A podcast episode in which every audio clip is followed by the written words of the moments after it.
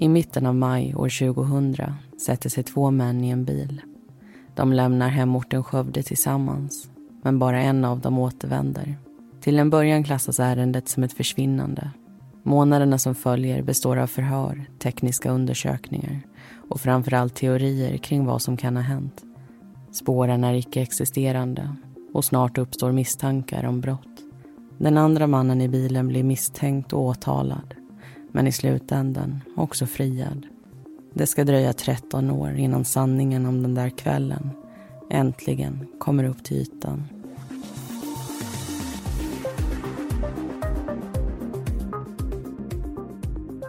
Du lyssnar på Mordpodden, en podcast om den mörka verkligheten. I veckans avsnitt ska du få höra berättelsen 13 år senare.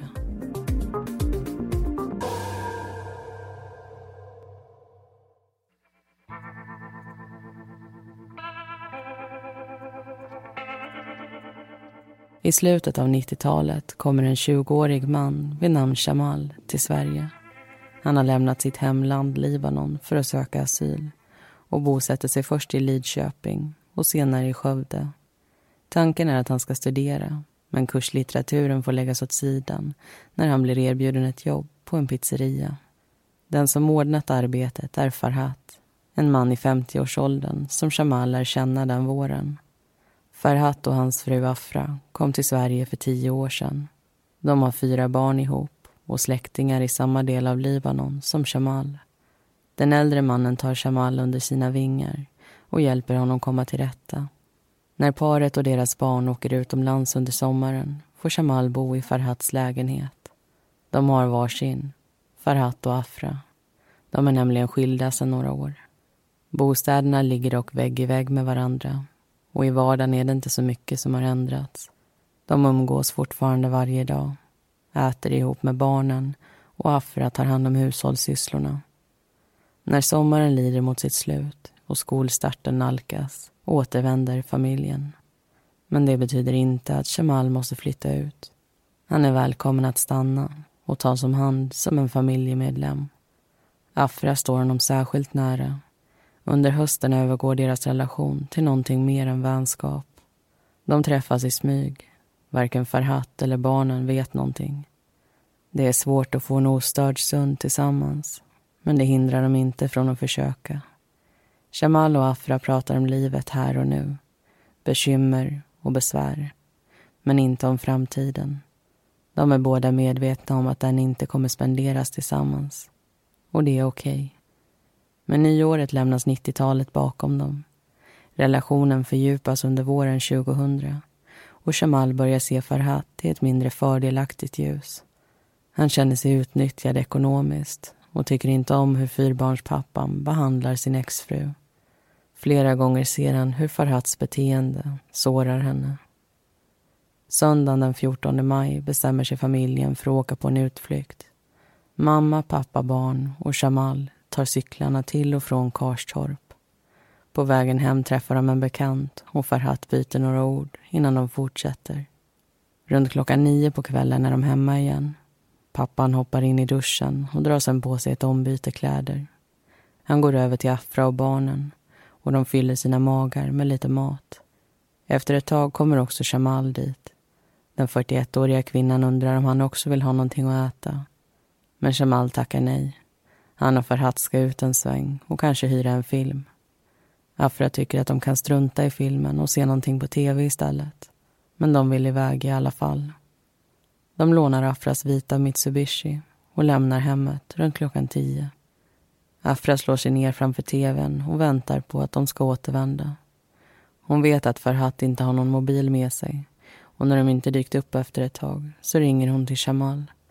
De pratar flera gånger men svaren hon får blir hon inte riktigt klok på. I ett samtal kallar Shamal henne för älskling. Ett tecken på att han måste vara ensam. I ett annat pratar han hastigt och hon tänker att någon annan är där. Efter ett tag somnar Afra på soffan. När hon vaknar är klockan runt ett. Hon ringer till Shamal på nytt. Tiden har sprungit iväg och att de ännu inte är hemma gör henne orolig. Shamal förklarar att de är i Karlsborg som ligger drygt 40 minuter bort. Farhat har gått iväg och Jamal sitter ensam och väntar på att han ska dyka upp. Flera timmar passerar och fler samtal rings.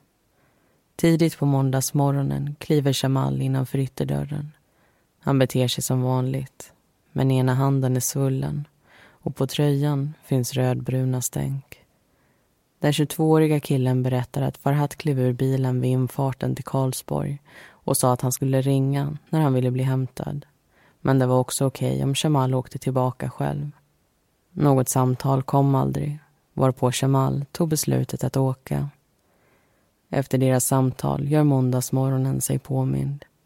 Barnen slussas iväg till skolan medan Afra väntar och väntar. Under eftermiddagen kommer ett av barnen hem och ser henne och Shamal i vardagsrummet. Mamman gråter och Shamal ser också ut att ha gjort det. Så kommer nyheten. Pappa har inte kommit hem.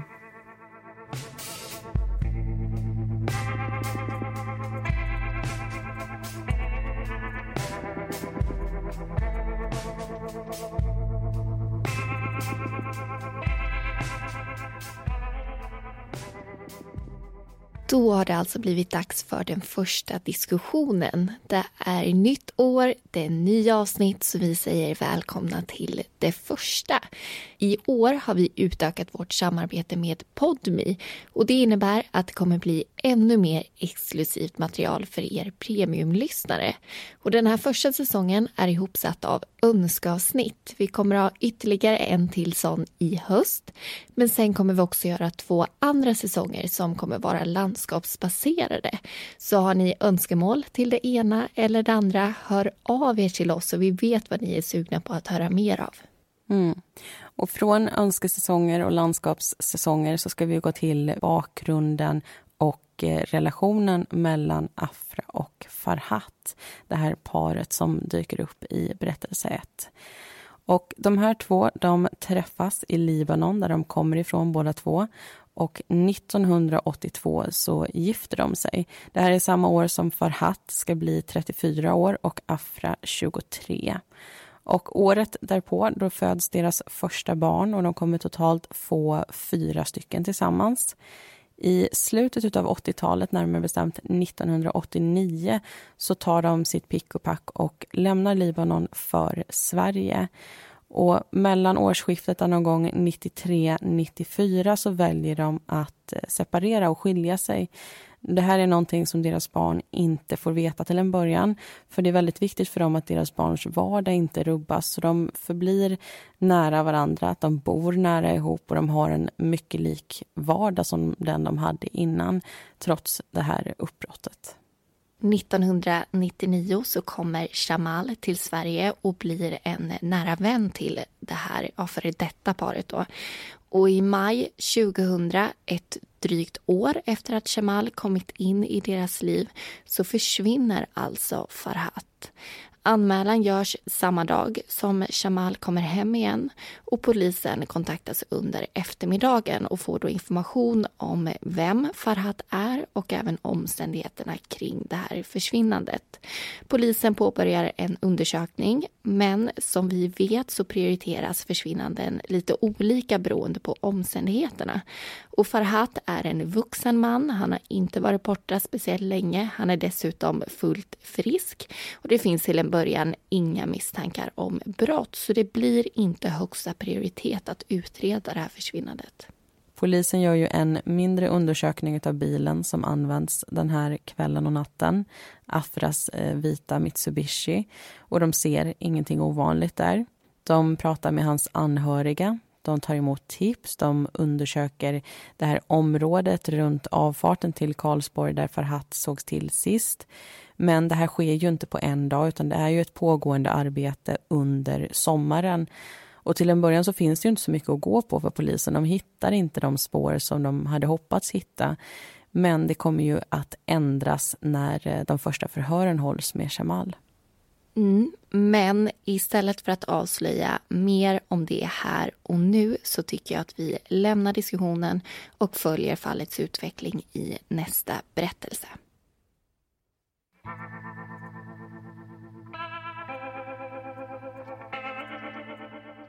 Farhats försvinnande är inte typen som leder till stora sökinsatser med helikoptrar och hundratals frivilliga. Det hålls inga manifestationer för pappan och medierna hugger inte direkt när det kommer till hans fall. Han försvinner utan att allmänheten riktigt vet om det. Något som beror på flera faktorer. Kanske mest utstickande är det faktum att polisen inte vet vad som hänt. Teorier kan såklart slängas runt men spåren efter Farhat är så få att det till en början tycks mer troligt att han frivilligt håller sig undan än att han råkat ut för någonting illasinnat. Han försvinner under försommaren, strax innan många tar semester och samtidigt som flera andra brott anmäls och måste utredas. Många prioriteras högre än Farhats fall och utredningen tilldelas inga större resurser vilket betyder att det tar tid. Tid att förhöra hans anhöriga, se över bilen, kolla upp tips, kontakta banken och gå igenom Farhats lägenhet. Afra berättar för dem om cykelutflykten den där dagen. Att Farhat runt tio på kvällen lämnade lägenheten tillsammans med Shamal. En historia som upprepas i förhören med Shamal själv. I slutet av maj bestämmer man sig för att göra en invändig undersökning av Afras bil. Den är både välstädad och tvättad. Nytvättad verkar det som till och med. I bagageutrymmet rinner det fortfarande vatten från textilmattan. Man hittar också en doftförbättrare. I ett försök att hitta fibrer tejpar man olika områden. Bilen fotograferas. Några direkta spår går dock inte att se med blotta ögat. På grund av andra brådskande ärenden tvingas undersökningen avbrytas och fallet läggs åt sidan en tid. När det plockas upp igen hålls nya förhör med exfrun och familjevännen. Afra berättar att hon känt en dålig lukt inuti bilen och därför satt in doftförbättraren. Något som skett ganska nyligen. Men varken hon eller Jamal säger sig ha tvättat den vita Mitsubishin. Ju mer de berättar om natten mellan den 14 och 15 maj desto mer glider deras historier isär. Förklaringarna går inte ihop med bevisningen. Antingen ljuger någon av dem eller båda. Shamals vittnesmål är extra intressant. Redan i ett tidigt skede kommer han med teorier kring vad som kan ha hänt Farhat samtidigt som han målar pappan i ett ofördelaktigt ljus. Sen försvinnandet har inga pengar tagits ut från Farhats konton. Hans kort har inte använts och hemma i bostaden hittar man båda hans pass. Ett äldre libanesiskt och ett nyare svenskt. Hans kläder finns kvar skor likaså. I mitten av juli tittar man på bilen igen.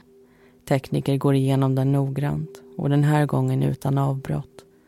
Det de finner är rödfärgade rinningar i kanten av bagageutrymmet och vid en skumgummibit intill reservdäcket. Prover tas och skickas vidare till SKL, Statens kriminaltekniska laboratorium. Svaren kommer dröja, men tanken att det är Farhats blod har redan slagit flera av dem. Fynden är tillräckliga för att utredningen ska klassas som från försvinnande till mord. Med det lämnas ärendet över till länskriminalpolisen. Spaningarna efter Farhat intensifieras och man gör nu flera omfattande sökinsatser. Om det Shamal berättat är sant kanske man kan finna några spår vid avfarten till Karlsborg. Men det gör man inte. Eftersom pappan inte haft med sig någon mobil den kvällen går hans rörelser inte att följa. Man tittar därför närmare på Shamals. Under natten kopplar hans telefon upp sig ett flertal gånger. Först i och runt Skövde och senare i Karlsborgsområdet. Men det betyder inte att det stämmer överens med Shamals berättelse. Tiderna är nämligen inte samma som han sagt. Man tittar också på vem Shamal pratat med Elva samtal har gått mellan hans och Afras telefon. Något som hon förklarar med sin oro. Något han inte går in på närmre. Eftersom Farhat inte återfunnits blir det svårt att hitta ett jämförelseprov för blodet i bilen. Man hittar en liten mängd på hans rakapparat och tar prover från ett av barnen. Det blir inte så direkt som man hade hoppats men en bit in i oktober så kan man i alla fall få ett svar. Blodet i bilen tillhör barnets pappa. Den sista oktober fattas ett beslut om anhållning. Men det är inte bara Shamals frihet som begränsas utan även Afras. Båda är nu misstänkta för inblandning i Farhats död. En månad passerar, sen sätts Afra på fri fot. Jamal förblir häktad medan utredningen fortlöper. Åtal väcks mot de båda och i slutet av februari gås fallet igenom i Mariestads tingsrätt. Det finns ingen kropp, men tillräckligt med bevis menar åklagaren som pekar ut Jamal som Farhats mördare. Den 22-åriga killen hade en kärleksrelation till hans exfru. Han kände sig utnyttjad ekonomiskt och tyckte inte om hur Farhat behandlade Afra. Med tiden började han hysa ett hat mot den 52-åriga fyrbarnspappan. Något som den där natten ledde till Farhats död. Hur han dog, var han dog och varför finns inga svar på. Men han är utan tvekan död och Jamal den som berövat honom livet. Afra i sin tur är enligt åklagaren skyldig till skyddande av brottsling. Det som ställs emot henne är inte relationen till Jamal eller den täta telefonkontakten de haft under mordnatten. Det handlar istället om tvätt. När Jamal kommer hem den där morgonen med en svullen hand och blod på tröjan berättar han att han slagit handen i en vägg. När deras konversation är över går han hem till sitt, klär av sig, hoppar in i duschen och lägger de smutsiga kläderna åt sidan vilka Afra senare plockar upp och lägger in i tvättmaskinen. Åklagaren förklarar också att mamman varit med och gjort rent bilen. Jamals försvar menar att bevisningen som finns inte knyter den tilltalade till något mer än att han var med Farhat den där natten. Något han berättat om från första början. Men precis som Jamal också sagt i förhör är han inte skyldig till pappans död. Ett dödsfall som faktiskt inte ens är bevisat. Afras försvar slår också tillbaka åklagarens teorier. Hon tog alltid hand om tvätten. Det var ingenting som Jamal bad henne om den här gången eller någon annan. Att blodet skulle tillhöra Farhat fanns aldrig en tanke på. Huvudförhandlingen avslutas. I vanlig ordning ska det dröja två veckor innan ett domslut kommer. Men redan nu tas ett beslut som pekar åt vilket håll det kommer luta. Jamal släpps ur häktet och den 12 mars får både han och Afra motta ett välkommet besked. Åtalen ogillas och de är båda frikända.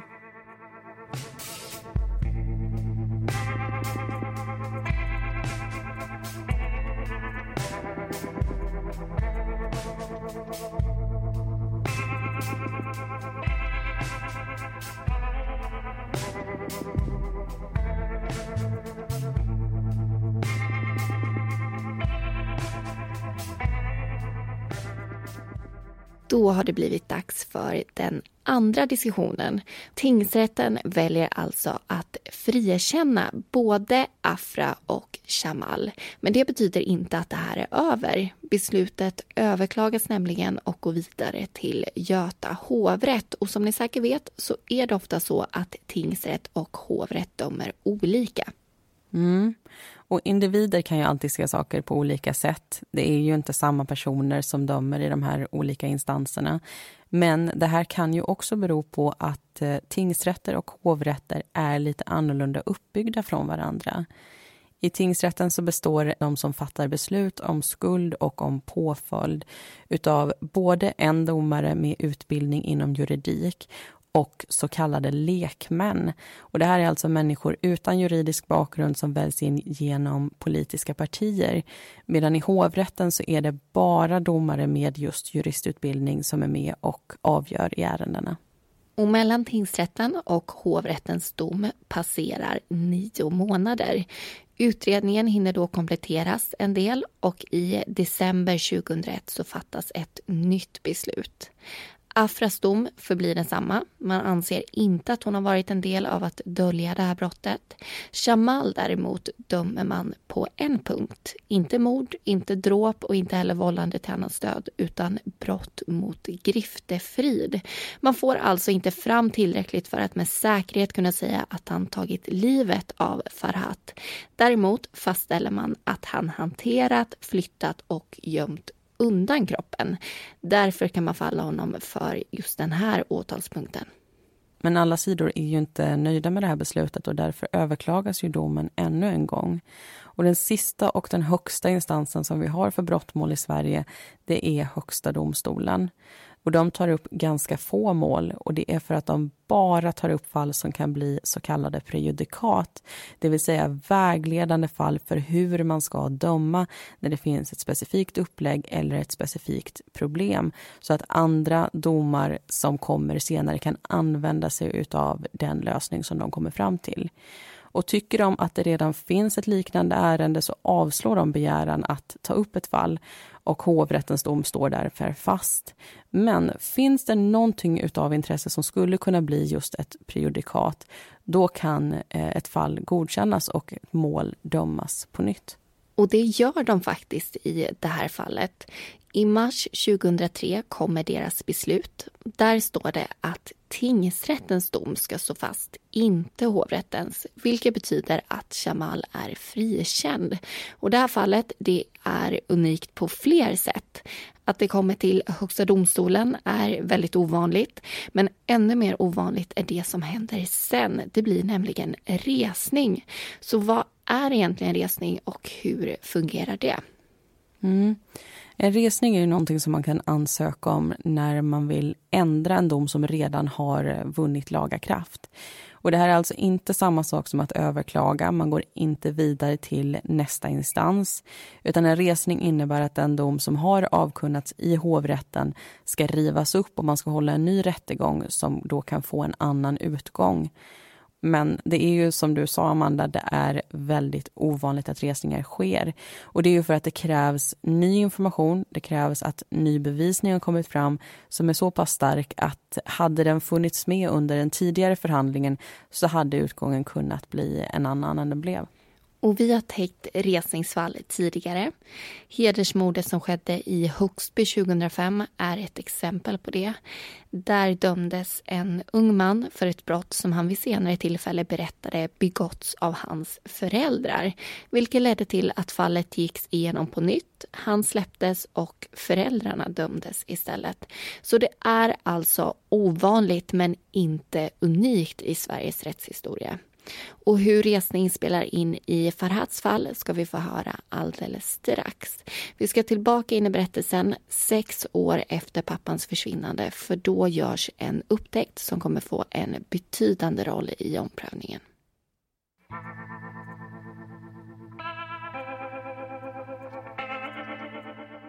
Den 17 augusti 2006 är det varmt och skönt utomhus. En man står intill landsväg 3036 i närheten av Mölltorp redo att påbörja ett av dagens arbeten. På vardera sida vägen finns en brunn försedd med brunnslock. Mannens jobb är att spola ur dem. Men under arbetets gång får spolbilen upp någonting som inte hör hemma där.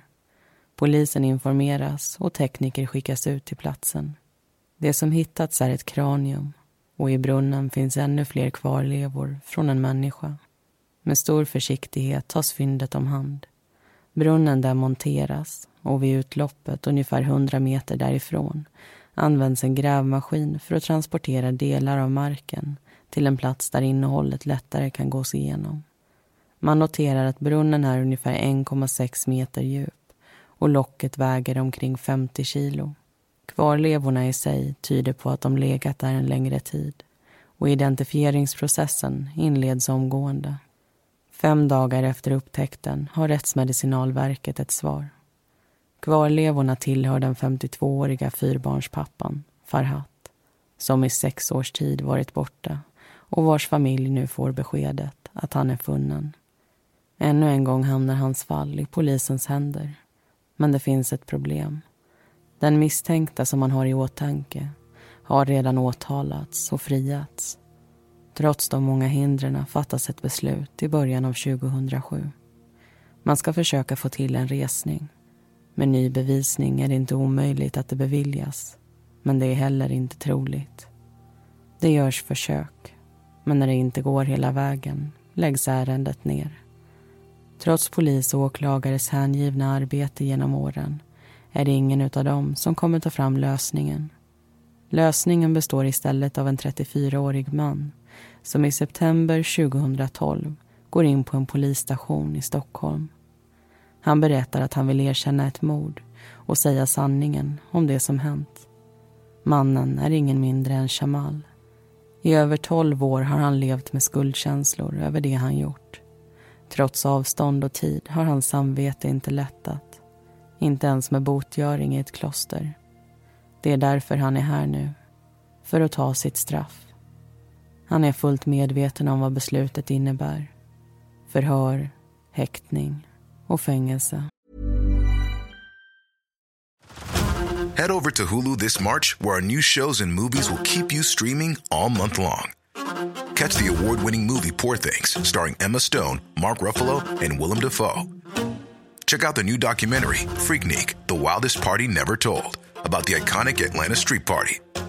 And don't miss FX's Shogun, a reimagining of the epic tale starring Anna Sawai. So, what are you waiting for?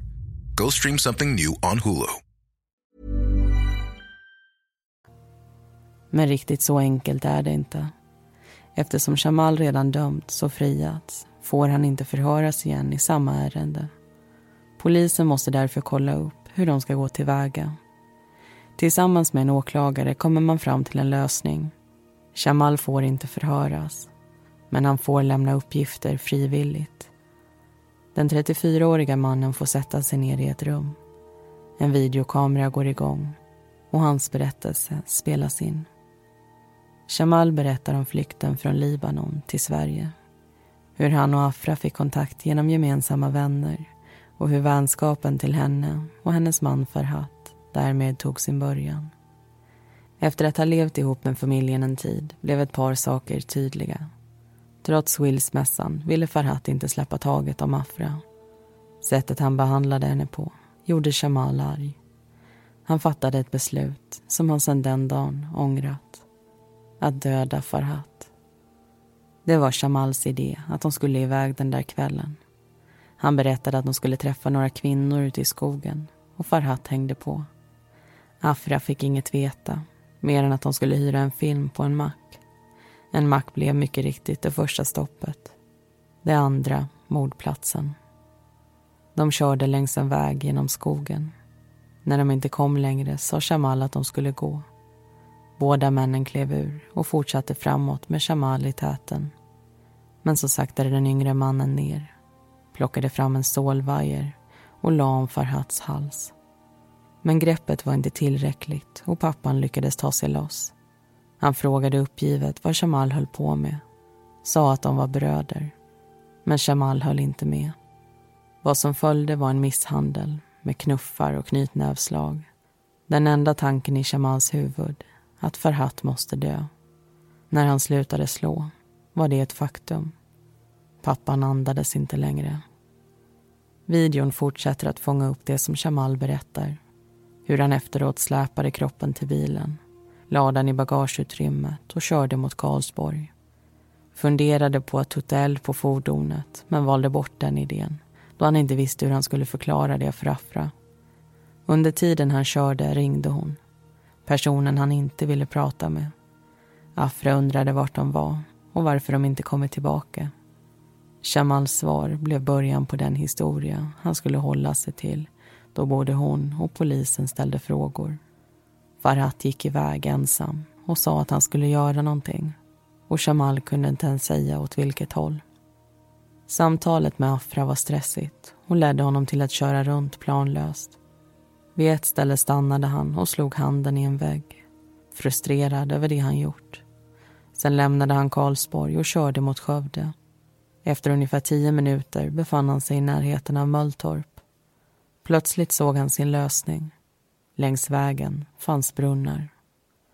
Jamal körde åt sidan och parkerade bilen klev ur och gick fram till ett av dikena. Det tunga locket sköts undan och kroppen lades i. När locket var på plats igen var det som att spåren hade suddats ut. Jamal satte sig bakom ratten och tryckte på gasen. Nästa stopp blev intill en å. Den här gången släpade han ut mattan ur bagageutrymmet och tog den till vattnet för att skölja. Den var tung och klumpig.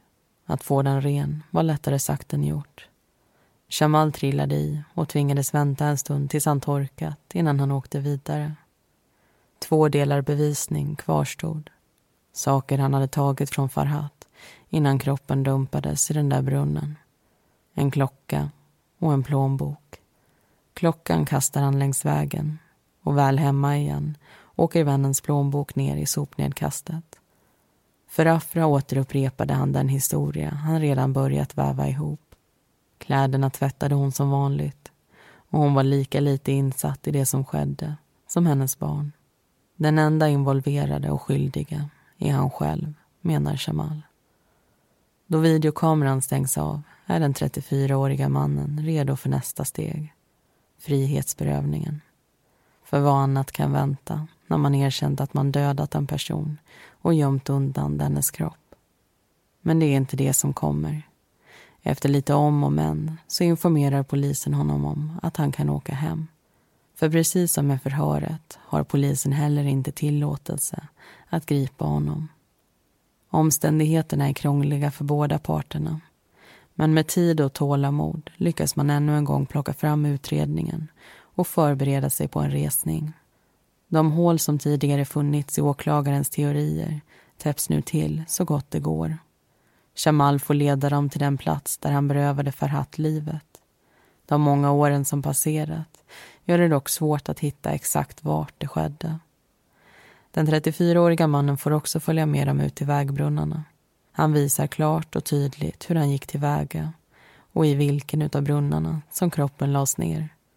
Det visar sig vara motsatt från den där kvarlevorna hittats.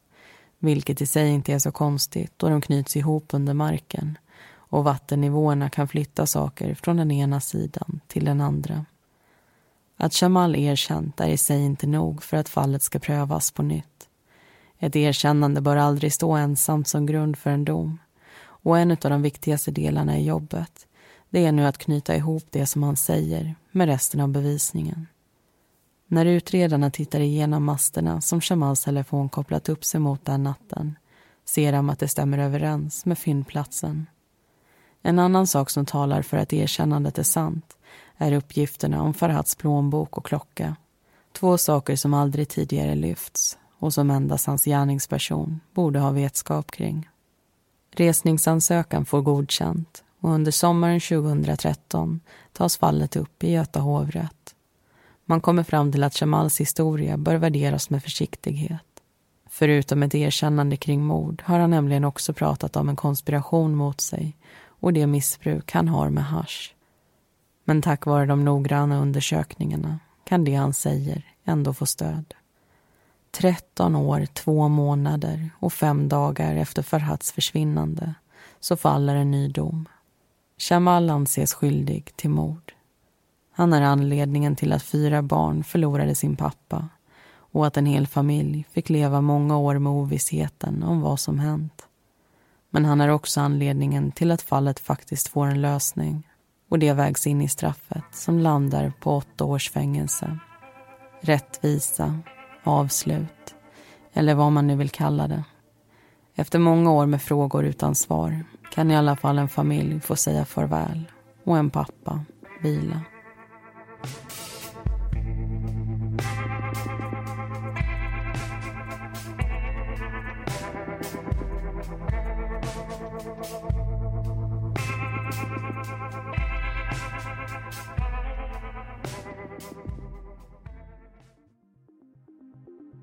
Tack för att du har lyssnat på det här avsnittet.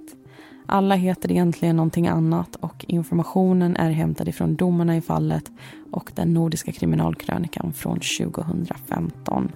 Nästa vecka så är vi tillbaka igen med ett nytt avsnitt. Missa inte det.